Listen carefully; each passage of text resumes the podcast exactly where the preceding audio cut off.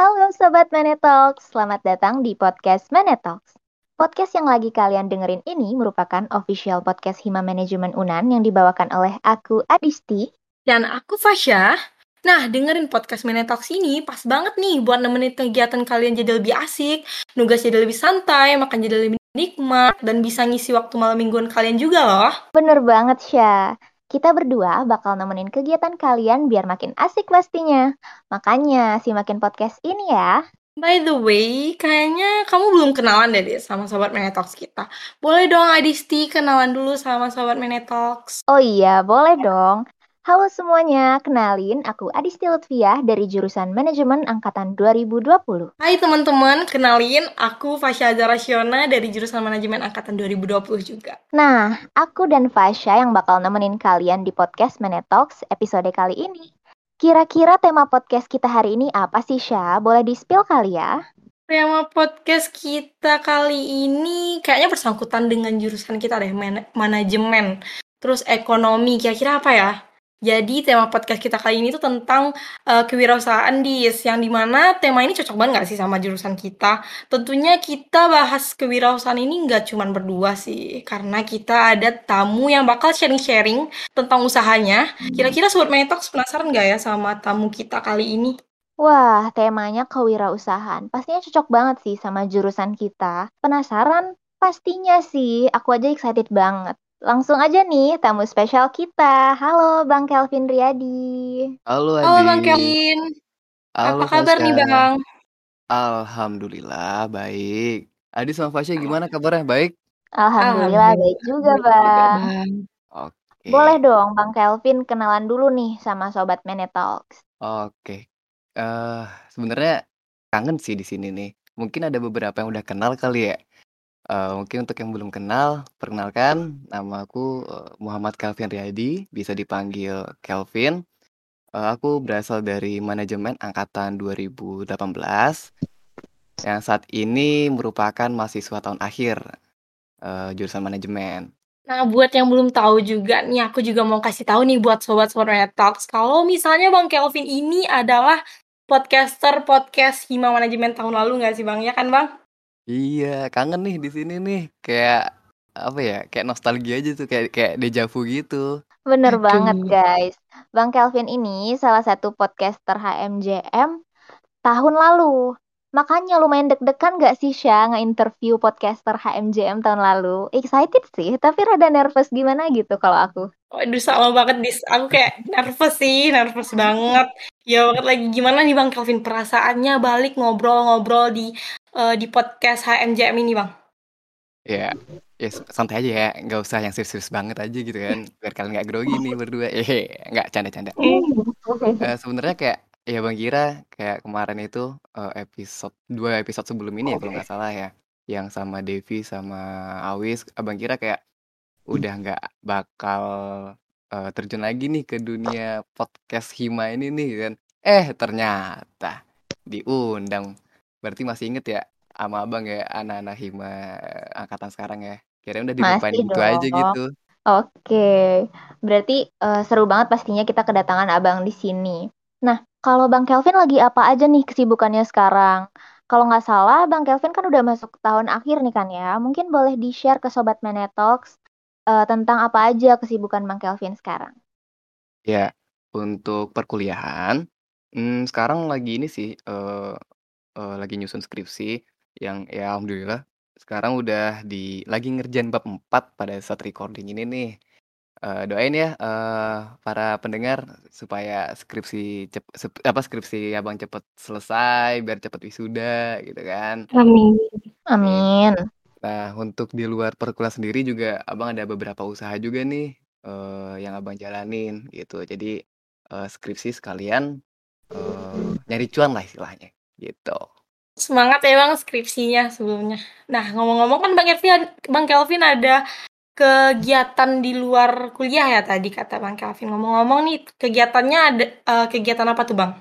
Ya, hmm, saat ini sih uh, dari semester berapa? Dari semester 3 Abang udah mulai uh, jalan usaha nih. Ya bukan usaha yang gede banget sih. Eee, Abang juga apa, Abang ada jalanin usaha travel haji dan umroh sama, eee, Abang punya perkebunan serewangi sekaligus pabrik penyulingannya, gitu. Aduh, keren banget. Ngomong-ngomong tentang kewirausahaan nih, Bang. Tadi kan ada dua bisnis, ada dua usaha yang Abang jalanin nih. Uh, boleh dong Bang kenalin uh, bisnisnya, profilnya, nama bisnisnya apa, Instagramnya, sejak kapan Bang Bang Kelvin mendirikan usahanya, boleh banget nih Bang diceritain. Like sekalian dipromosiin juga nih Wih, di sini nih Bang. promo promosi gratis kan ini ya, nggak bayar kan? Enggak dong Bang. Oh, oke oke. Eee, jadi yang pertama ada Best Travel, yaitu Bahana Sukses Travel panjangannya. Itu adalah travel, eee, perusahaan yang bergerak di bidang perjalanan haji dan umroh. Eee, Abang di situ sebagai kepala cabang di Kota Padang. Eee, Best Travel sendiri juga, eee, ada tersebar di Abang lupa, kalau nggak salah ada 13 cabang di seluruh Indonesia. Nah, eee, yang satunya lagi itu ada, eee, PT Agro Batang Kasang. Di situ Abang sebagai direkturnya. Nah, PT Agro Batang Kasang ini bergerak di bidang perkebunan, yaitu perkebunan, eee, serewangi, eee, sekaligus, eee, penyulingan, eee, serewangi tersebut menjadi minyak atsiri, begitu. Nah, kalau untuk Best Travel sendiri, eee, Abang menjadi kepala cabang untuk cabang Padang, itu semenjak kalau nggak salah Juli 2019. Nah, kalau untuk PT Agro Batang Kasang ini yang yang, eee, perkebunan serewangi ini, itu perusahaan yang Abang diriin sendiri. Eee, pada saat itu Abang mendirikannya itu, eee, September 2019 sampai saat ini, begitu. Oke, PT Agro Batang Kasang menarik banget sih menurut aku. Kalau untuk prosesnya sendiri pada saat Bang Kelvin ngejalanin usaha nih, kira-kira apa aja sih tantangan yang Bang Kelvin alamin? Kayak naik turunnya, boleh banget nih Bang, di-share ke Sobat Talks, mana tahu. Oke. Mungkin yang bisa di-sharing mungkin yang PT Agro Batang Kasang kali ya, karena kalau yang Hmm, travel Mhm. itu kan, eee, Abang cuma kepala cabang ya, nggak mengurusi seluruhnya. Cuma mencari jemaah, menghimpun, eee, lalu mengadministrasikannya, baru kita kirim ke kantor pusat ya kan. Jadi tidak terlalu Oke. struggle. Nah, mungkin yang yang banyak tantangannya itu yang, eee, perkebunan tadi ya. Eee, Bang. itu emang dari awalnya Abang jadi gini, Abang sebenarnya, eee, orang Minang asli, orang tua Abang dua-duanya orang Minang, tapi Abang dari kecil itu, eee, besar tumbuh besar di, eee, Jakarta, di Tangerang Selatan. Jadi, Abang itu nggak tahu, eee, apa ya, budaya-budaya Minang, bahkan bahasa Minang pun nggak tahu. Nah, jadi untuk pertama kali diriin, eee, perusahaan ini otomatis kan, eee, Abang harus terjun langsung ya ke lapangan ya, eee, ke lahan-lahan gitu kan. Otomatis, eee, bertemu dengan, eee, para warga di, eee, sekitar situ. Ya, Abang di situ karena Abang nggak tahu oke kalau untuk bahasa Minang Abang masih oke bisalah. Tapi kalau untuk budaya Minang, ya Abang belum terlalu tahu. Nah, itu pertama itu tantangan Abang ya, eee, untuk gimana sih cara menyesuaikan dengan budaya setempat, walaupun ya Abang keluarga Abang keluarga Minang, cuma, eee, beda gitu loh, eee, dengan orang yang, eee, berinteraksi langsung dengan orang Minang asli setiap saat setiap hari gitu kan. Nah, itu yang pertama.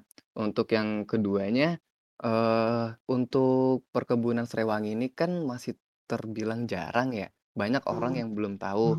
Adi sendiri sama Fasya tahu nggak serewangi itu? Hmm, karena lumayan Unik jadi agak asing sih Bang. Mhm. Iya, bi biasanya cewek-cewek ini taunya serai dapur kan ya, untuk masak kan ya. Mhm. Iya, bener Nah banget. nah, jadi, eee, tantangan ke berikutnya itu mengedukasi, eee, para, eee, masyarakat, eee eee, yang ada itu untuk, eee, mengedukasi tentang serewangi ini. Jadi gini, perusahaan Abang itu, eee, punya lahan di, eee, sel hampir seluruh, eee, Kabupaten Padang Pariaman. Eee, apa, bermitra dengan para, eee, penduduk setempat yang mempunyai tanah, yang punya lahan, tapi lahannya itu lahan tidur atau lahan yang yang tidak produktif gitu loh. Jadi tidak tidak merusak tidak merusak hutan atau tidak merusak lahan eee, tanah gitu ya. Jadi hanya, mep apa, eee, bermitra dengan para petani sana, masyarakat sana yang mempunyai lahan yang tidak produktif, lalu kita menjadikan produktif yang mempunyai nilai jual di tanah mereka tersebut. Terserah berapa pun itu, eee, luas tanah mereka. Nah, ya tadi itu, karena, eee, serewangi ini tergolong jarang, eee, tidak umum ya, banyak orang yang tidak tahu, itulah tanda tang tan tana apa, tantangan berikutnya, yaitu mengedukasi para, eee, masyarakat itu, bahwa ini serewangi gitu loh. Beda dengan serai dapur dan cara kita nge-treatment-nya pun beda dengan serai dapur gitu. Habis itu tantangan yang berikutnya, ya Abang harus, eee, menyesuaikan antara, eee, Abang kan ada pabrik suling juga kan ya? Nah Abang, eee, tanam berikutnya menyesuaikan antara waktu panen, banyaknya lahan, dengan kuantitas, eee, Abang, eee, menyuling gitu loh di pabrik. Jadi kan itu kan, eee, dari daunnya tersebut yang yang akan Abang suling menjadi minyak kan. Jadi gimana caranya biar kita panen secara kontinu terus, lalu menyuling, eee, secara kontinu terus gitu loh. Jadi, eee, jangan sampai Abang menyuling di pabrik, sedangkan bahan bakunya sendiri habis karena kita terlalu, apa, jor-joran untuk memanen gitu loh. Atau bahan bakunya masih tersedia banyak nih, karena kita mungkin sedikit, eee, malas, eee, dengan menyuling gitu loh. Jadi semuanya harus seimbang. Itu itu aja sih tantangan, mmm, yang Abang hadapin. Oh ya sama satu lagi, Waduh, kayaknya usaha yang Abang Kelvin jalani unik banget, kayak belum pernah baca denger malah, Bang. Oh ya? Ya Pak, Apa Abang tuh juga Bang, satu lagi? Oh ya, satu lagi itu, eee, Abang harus menyesuaikan waktu antara perusahaan ini dengan waktu untuk Abang berkuliah. Itu sih yang paling sulitnya itu yang ini, eee, Mmm. me-manage waktu aja sih, itu yang yang yang yang sulitnya, gitu. Oalah, berarti dari salah satu, mmm, tantangan Abang tadi yang menyesuaikan bahasa Minang, kira-kira tuh berapa lama waktu Abang bisa, eee, belajar atau menyesuaikan bahasa Minang ini nih Bang, buat mengedukasi, eee, taman serai ke warga sekitar? Untuk penyesuaian, mmm, pas itu sih Abang, karena pada saat itu, eee, libur ini ya, libur semester, itu Abang mulai jor-joran itu mulai Desemberan deh, habis UAS.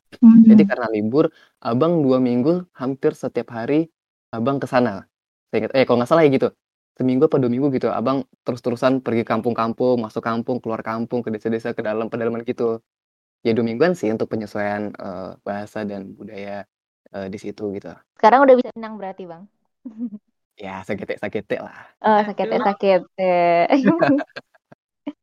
Nah, dari usaha yang Bang Kelvin jalanin ini kan nih, kan, eee, usaha Abang ini kan tentang, eee, berkaitan dengan perkebunan nih Bang, PT Agro Batangkasang, berkecimpungan di bidang perkebunan ya kan Bang. Target Iya. konsumennya itu kalau dari usaha seperti ini tuh, target konsumennya siapa sih Bang? Dan kebanyakan kalangan yang menjadi customer, eee, usaha Abang nih dari kalangan mana Bang? Oke, jadi, eee, perlu Abang jelaskan bahwa perusahaan Abang ini bersifatnya B2B, bisnis to bisnis. Jadi konsumennya sendiri, eee, yaitu perusahaan-perusahaan juga, gitu loh. Jadi nggak ada yang langsung turun ke, eee, ke customer gitu loh, ke konsumen, eee, perorangan gitu, langsung ke perusahaan juga gitu. Karena produk yang Abang hasilkan itu adalah produk setengah jadi yang akan diolah kembali menjadi, eee, produk, eee, jadi, barang turunan gitu. Berat sih menurut aku, Syah. Karena targetnya itu Berat sendiri sih. bukan untuk individu, udah perusahaan. Kalau kita tuh, kalau mikir-mikir usaha apa ya, mungkin cincin dari manik-manik kali ya, Syah, ya? Atau pop Sebenarnya ice kali ya, Dis, ya? Pop ice, aduh kalau pop ice agak ribet juga ya. Sebenarnya nggak masalah sih apa pun itu usahanya, yang penting kan ya kita anak manajemen ya, yang penting kan apa, ya cuan Iya, ya yang kan? penting bener banget. Yang penting kita Yoi. usaha dulu. Aku penasaran juga nih, Bang, tentang keunikan usaha yang Abang jalanin, yang PT Agro Batangkasang ini. Apa yang bikin beda gitu dari usaha lain, selain dia itu bukan kayak serai dapur biasa? Dan, eee, gimana sih cara Abang menarik konsumen dari, eee, serai wangi yang unik satu ini? Mungkin bisa di-share ke sobat Mane-Talks? Oke, jadi dulu pas awal-awal Abang mau, eee, apa, pas Abang awal-awal baru terjun ya, Abang juga bingung kayak, "Ini serai wangi apaan sih?" Ya Abang cari tahu cari tahu, ternyata ada, eee, dari website dunia gitu yang yang cukup, kredibel, bisa dipercaya. Ternyata keperluan serai wangi di dunia itu baru 40% terpenuhi. Dan juga, eee, kualitas serai wangi minyak serai wangi nomor 1 di dunia itu adalah di Indonesia, gitu. Ah, oleh sebab itu makanya kayak Abang mikir, ini ini, eee, jiwa manajemennya keluar nih situ, timbul ya kan. Kalau 40% Harus. yoi, karena empat pe baru 40% terpenuhi, otomatis kita sangat dicari-cari dong sama yang membutuhkan, apalagi ya 40% gitu, 60%-nya masih belum terpenuhi nih. Otomatis kita, nggak nggak terlalu berat, tidak terlalu struggle gitu untuk mencari kos apa, konsumen ya kan. Jadi itu sih, Mhm. eee, cara Abang kayak gitu. Bener. Berarti mau nggak mau, Ya karena jarang banget ada serai wangi di sini, carinya ke tempat Abang gitu ya? Iya, Wah, betul. menarik banget sih. Menarik Apalagi banget sih. yang kamu penasaranin? Aku penasaran nih Bang, untuk pengelolaan serai wangi ini Bang, di usaha yang Abang jalanin ini, kayak Bang Calvin ada itu nggak sih, um, kayak tim manajemen khususnya gitu nggak ya Bang? Kalau Hmm. boleh tahu karyawan-karyawan Bang Calvin tuh kayak job desk job desk uh, karyawan Abang tuh gimana aja tuh Bang kalau di PT Agro Batang Kasang ini Bang? Oke, jadi gini, untuk yang pemanen, itu Abang memperdayakan mereka yang punya tanah sendiri tuh. Jadi kan Abang tidak membeli tanah, jadi Abang bermitra dengan yang punya tanah, yang punya lahan. Nah, jadi eh, sebenarnya daunnya itu kan yang perlu daun ya, bukan batang. Beda dengan serai dapur. Serai dapur kan batangnya yang diperlukan kan. Nah, kalau Abang itu daunnya yang diperlu, jadi mereka memanen daunnya aja, batangnya tetap ditinggalin karena bat, eh, dari batang itu akan numbuh lagi daun serai itu kan. Jadi eh, daunnya itu Abang beli juga per kilo. Lalu untuk upah kerja mereka yang punya lahan itu Abang bayar juga gitu loh. Eh, jadi Abang tidak mem- tidak ada karyawan Abang yang eh, langsung ke lahan. Mungkin ada satu, dua, tiga orang aja gitu. Nggak nggak banyak. Padahal walaupun lahannya tersebar luas di Kabupaten Padang Pariaman. Lalu untuk yang di pabrik, eh, karyawan Abang itu ada beberapa sih, Abang lupa ada berapa. Jadi untuk mereka operator mesin suling, kebetulan Abang ada empat mesin suling, itu ada empat orang. Lalu ada eh, ini apa eh, sopir untuk mengangkut daun, nganter eh, jemput daun, itu ada satu orang. Lalu ada satu lagi eh, kepala pabrik Abang. Karena ya jujur Abang sendiri kayak kurang memahami tentang teknikal ya kan. Jadi eh, beliau eh, sangat paham tentang teknikal. Jadi di beliau itu eh, Abang percayakan untuk eh, menjadi kepala pabrik gitu. Itu aja sih. Oke, Untuk berarti untuk sisanya kayak eh, urusan finance dan lain-lainnya itu eh, Abang sendiri sih yang yang yang handle. hmm, mantep banget. Berarti bersama orang kepercayaan juga ya, Bang, untuk Betul, mengurus job desk-nya. betul. Iya. Terus selain job desk yang dipenasaran sama Fasya, aku juga pengen tahu nih di pabrik abang itu, selama ngejalanin usaha ini, pernah nggak dapat komplain atau penilaian buruk dari konsumennya? Kalau ada boleh diceritain nggak sih bang? Dan gimana cara bang Kelvin ngadepin dan nanggulangin komplain tersebut? Oke. Sebenarnya so far dari 2019 sampai sekarang Abang belum ada sih yang eh, ada datang komplain gitu loh dari customer Abang gitu. Paling ini sih karena tadi Abang sebutkan karena kebutuhan itu baru eh, sangat sedikit baru yang bisa terpenuhi ya, belum seluruhnya bisa terpenuhi. Jadi eh, banyak customer tuh kayak nguber Abang terus gitu kayak ayo dong Pak Kelvin cepetan dong ayo kirim dong ayo kirim dong sedangkan ya kita lahan kita terbatas pabrik kita kapasitas Mm-mm. produksinya Mm-mm. terbatas sedangkan ya kebutuhan sangat banyak ya kan belum bisa terpenuhi belum bisa ke handle ya paling itu sih kayak eh, disuruh cepetan Pak Kelvin kirim kirim kirim kirim kayak gitu loh itu aja sih kalau untuk komplain sendiri so far belum ada Hmm, Alhamdulillah itu. komplain yang berat yang berat-berat belum ada ya Bang. alhamdulillah belum Iya, jangan dong jangan sampai alhamdulillah. Jangan. Karena ini Jangan. masih ada kuliah juga nih Fasya ya. Iya berat dong, makin berat nanti. Berat nanti. iya Nah, usaha usaha yang Bang Kelvin jalani ini kan udah banyak cabangnya ya, Bang. Eh, lahannya atau pabriknya ada kepirik ad- eh, dari Bang Kelvin sendiri ada kepikiran nggak eh, gimana usaha ini bakal dikembangin ke depannya gitu kayak atau mau buka ada niat mau buka cabang baru kah atau mau buka di luar kota, di luar Sumatera atau mungkin ada planning lain upgrading yang seperti apa yang bakal dilakukan ke depannya nih Bang Kelvin? Oke, sebenarnya eh, untuk lahan sendiri ya udah ada di sekabupaten Padang Pariaman, tetapi pabrik Abang itu baru ada satu gitu.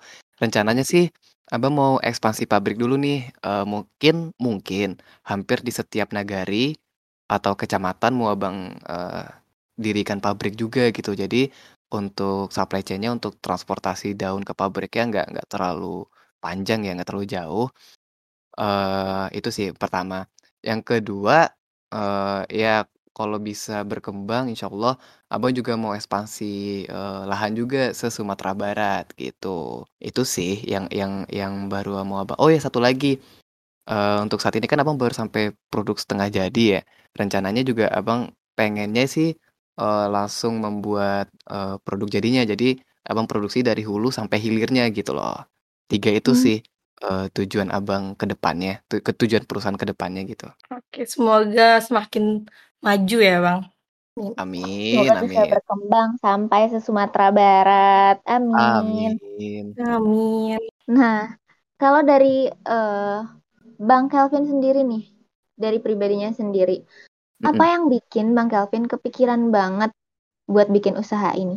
Karena, uh, ini jarang banget ya dari antara alumni atau dari kating-kating yang Adis tahu, itu mungkin lebih ke restoran atau, uh, apa gitu. Tapi kalau ini tuh unik gitu. Nah, Oke. boleh diceritain sih apa yang bikin Abang kepikiran buat bikin usaha kayak gini?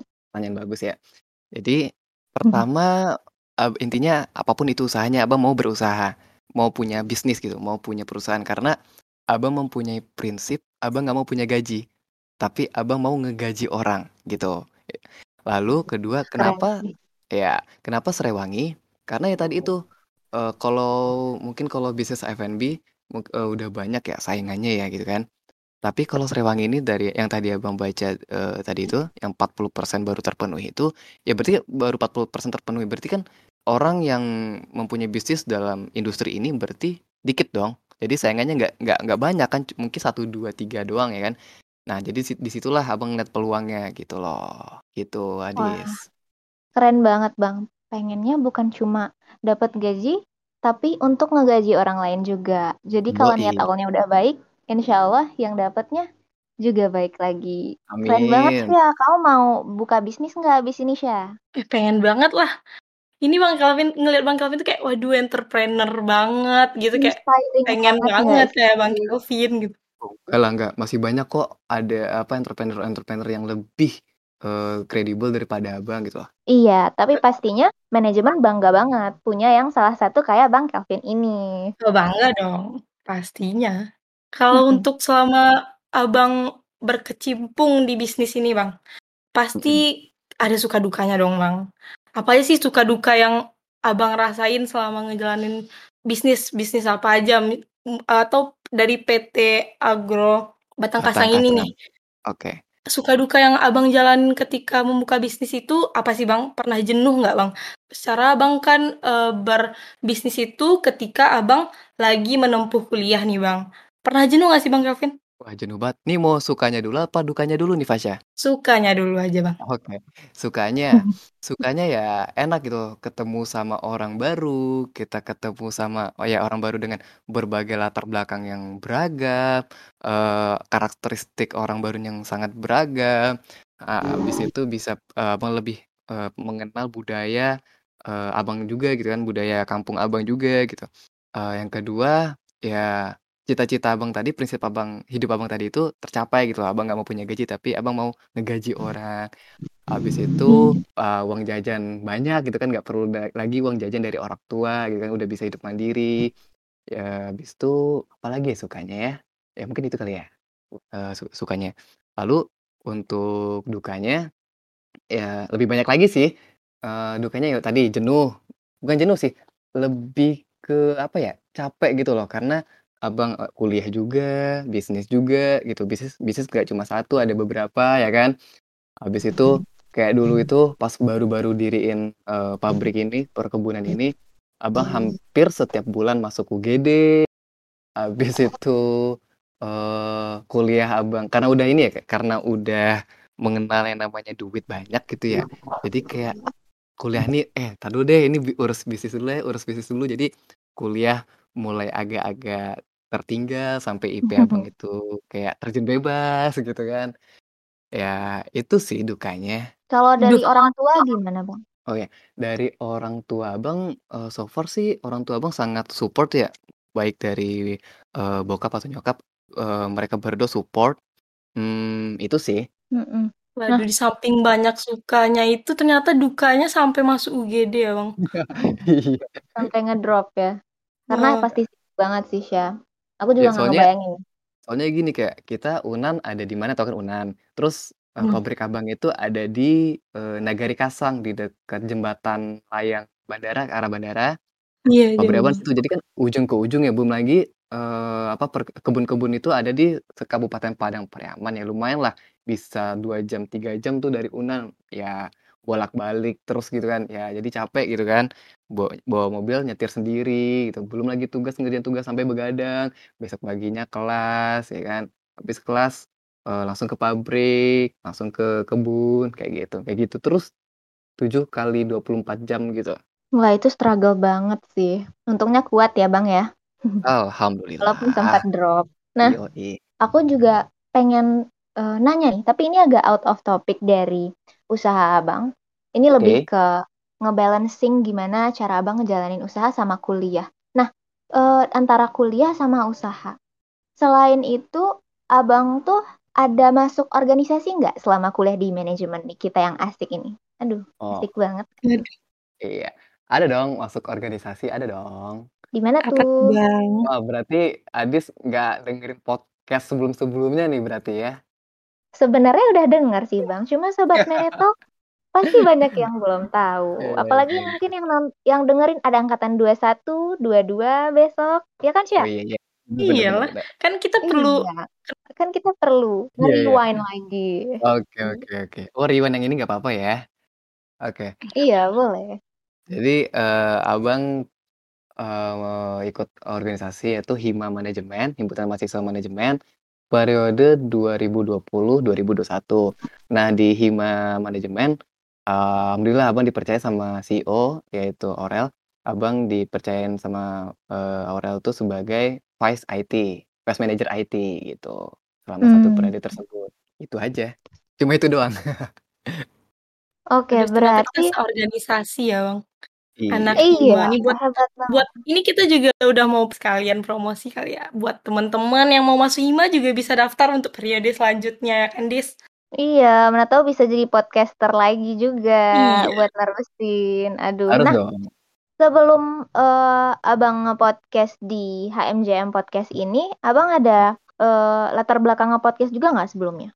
Atau sama kayak kita, perdana Ad podcast ada perdana? sih, sebelum Mene Talks ini Abang ada podcast sih, podcast pribadi Abang, cuma kayak nggak jalan gitu karena, eee, iseng-iseng dulu kan kayak baru-baru kuliah corona gitu kan, jadi kan online ya, serba online kan. Jadi kayak Oke. biasanya kan kalau habis, eee, kuliah itu habis kelas biasanya Abang ke pabrik, ke kebun gitu, ke ladang gitu kan, atau enggak kalau Mhm. nggak agak waktu senggang Abang nongkrong sama teman-teman kan. Lah ini kita kayak baru-baru corona itu jadi Abang kayak di kos aja gitu, nggak ngapa-ngapain. Jadi kayak dari biasanya selama berapa lama itu ya, lebih dari 8 bulanan kali ya, eee, nggak pernah nggak pernah apa, nggak pernah istirahat gitu kan, tiba-tiba diem aja gitu, nggak ngapa-ngapain gitu kan. Ya Abang juga ada podcast, cuma ya buat ngisi waktu luang aja, cuma berapa episode ya, Abang lupa. Habis itu udah deh mati suri. Iya, tapi kayaknya terlatih banget tuh Bang nge-podcast-nya waktu itu. Oh iya? Emang iya, Bah? Iya, menurut aku Iya dilanjutin Bang. aja sih Bang podcast Abangnya, nanti kan bisa dipromosiin. Ya Oh nggak, Syah? oh bi bisa promosiin di Iya. Mene Talks nih? Kalau bisa Abang lanjutin. Bisa. Promo iya bisa dong. Oh ya udah deh.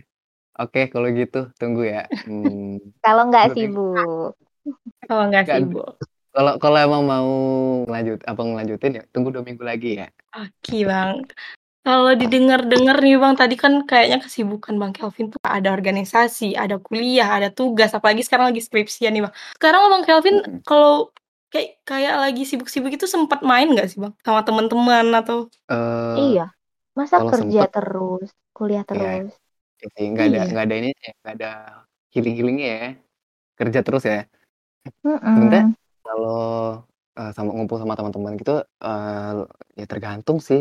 Sebenarnya nggak ada Abang patokin seminggu ini harus ada ngumpul sekali, nggak ada sih. Kayak emang kalau sempatnya aja, sesempatnya aja gitu loh, ngumpul. Ya mungkin dibandingkan kayak, eee, teman-teman Abang, Abang sih yang jarang ngumpul sama mereka gitu loh. Ya karena kesibukan ini juga sih, gitu. tetap kuliah dan usaha nomor 1 ya, Bang, nongki kesekian. Iya, benar. Ya karena Mhm. gini loh, kalau kalau ya kalau berbisnis, eee, Abang ke pabrik atau Abang ke, eee, ladang, itu Abang dapat duit. Lah kalau Abang nongki, Abang ngeluarin duit. Ya at least kopi 1 Iya. cup berapa sih gitu kan, Rp20.000 ya walaupun cuma du Rp20.000 tapi kan tetap aja ngeluarin duit kan.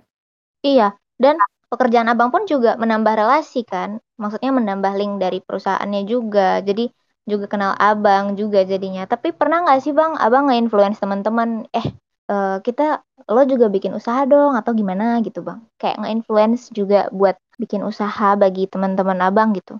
Ya, ada sih hmm, beberapa teman yang menurut abang dia punya bakat untuk berbisnis dan ada beberapa teman juga udah abang saran. Ini bukan teman di Unan aja ya, bukan teman di Padang. Bah Hmm. ada juga teman Abang di, eee, Jakarta ya, di BSD, ada beberapa Abang influence kayak bahkan, eee, beberapa dari mereka juga ada yang, eee, nanya ke Abang, "Gimana sih caranya? Gini gini gini?" Ya walaupun Abang bukan expert di bidangnya, Abang juga masih banyak belajar juga kan, ya Abang juga, eee, tetap aja ngasih ilmu ke mereka yang Abang tahu aja gitu. Eee, ada sih beberapa dan, mmm, beberapa ada yang udah mulai dan ada dua orang juga udah Udah cukup sukses Abang lihat, bahkan lebih sukses dari Abang malah. Wah, keren sih. Jadi sukses bareng-bareng gitu ya, Bang? Yoi dong. Oke. Sebelum closing nih, Bang, boleh nih Bang Kelvin kasih tips untuk memotivasi semua sobat-sobat Manetalks untuk masyarakat manajemen. Pastinya yang pengen bangun usaha atau mungkin ada yang pengen bangun usaha tapi masih maju mundur karena sambil kuliah ragu-ragu gitu. Boleh kasih tipsnya Bang biar yakin dan biar bisa balancing antara kuliah dan mm, bikin usaha. Oke. Hmm, mungkin kalau cara ngebalancing kuliah sama usaha Abang nggak begitu ini ya, nggak begitu bisa ya. Karena Abang sendiri pun juga kadang masih nggak balance nih gitu kan, antara usaha sama kuliah. Mungkin memotivasi teman-teman para pendengar untuk, eee, bagi para pendengar yang yang lagi, eee, berbisnis gitu ya, mau bisnisnya besar, biasa aja, atau bisnis kecil-kecilan gitu kan, mungkin bisa kalian tiru. Jadi kalau Abang itu pada saat Abang lagi jenuh atau lagi down-down-nya gitu kan, eee, Abang pergi ke pabrik atau enggak ke kebun gitu kan. Jadi kan kalau serewangi itu kan baunya kan khas banget ya, baunya wangi, ya namanya juga serewangi jadi baunya kayak wangi Iya. gitu kan. Jadi Abang pergi ke sana, Abang berdiri di tengah-tengah itu, tengah pabrik atau di tengah kebun, Abang pejemin mata, Abang hirup, uh, nafas dalam-dalam kan. Pas Abang hirup itu kayak Abang sambil ngebayangin, "Oh, ini toh, uh, bau cuan," gitu, "Oh, ini bau duit." Udah kayak gitu, itu cara Abang nyemangatin diri Abang sendiri sih gitu. Mungkin bisa, uh, ditiru sama teman-teman yang lain. Hmm, iya, berarti keren banget sih kayak menyadari apa yang udah kita jalanin tuh kayak hmm dan ini tuh menampilkan profit gitu jadi menarik jadi iya. harus yakin ya bang ya harus yakin ya kalau nggak yakin ya mulai aja dulu. mulai gitu loh hmm. coba iya. aja dulu mulai aja dulu. coba aja dulu ada aja gitu kan kalau emang kalian yakin ada aja cara jalan keluar dari suatu masalah hmm. karena usaha ya, itu emang harus modal nekat dulu ya kan bang Iya betul itu itu benar sih karena pun dulu awal-awal juga kayak gitu juga sih. iya modal nekat dulu kayak rugi profit belakangan. Iya benar. Mungkin sobat Menetox tadi uh, dari yang Bang Calvin kasih tips tadi bisa banget nih tips-tipsnya dipakai biar semangat kayak ingat bahwa duit itu menjadi uh, ladang semangat kita untuk membangun usaha ya Bang. Thank you Yo, Bang iya. Calvin atas motivasi dan um, tips-tipsnya Bang Kelvin. Thank you juga lo udah diundang di sini loh. Abang gak nyangka bakal balik lagi ke Talk. Terima kasih Bang Kelvin. Thank you Adi. Bisa sharing-sharing tentang kewirausahaannya. Siap. Habis ini kita kepikiran buka usaha nggak sih, Syah? Soalnya Sobat Menetox juga semangat bagi yang pengen bikin usahanya. Pikiran dong, masa pikiran bener banget sih jadi tertarik juga nih karena abis ngomong sama sang entrepreneur Bang Kelvin aduh, aduh, dari jurusan manajemen kita ini. Buat Sobat Talks juga semangat terus ya yang lagi ngejalanin usaha. Yang apalagi ngejalanin usahanya tuh sambil kuliah. Kan keren banget sih buat teman-teman yang masih bisa menyeimbangkan kuliah dan karir entrepreneurnya. Semangat teman-teman. Keren banget. banget. Nah, Sobat Talks, nggak berasa banget nih bincang-bincang kita udah selesai aja. Thank you banget ya Bang. Dan jangan lupa dengerin podcast Manetalks. Jangan lupa follow dan patengin Instagram Hima Manajemen di @hmjmunan buat dapetin informasi seputar manajemen lainnya. See you on the next Manetalks podcast. Have a great day everyone. Dah.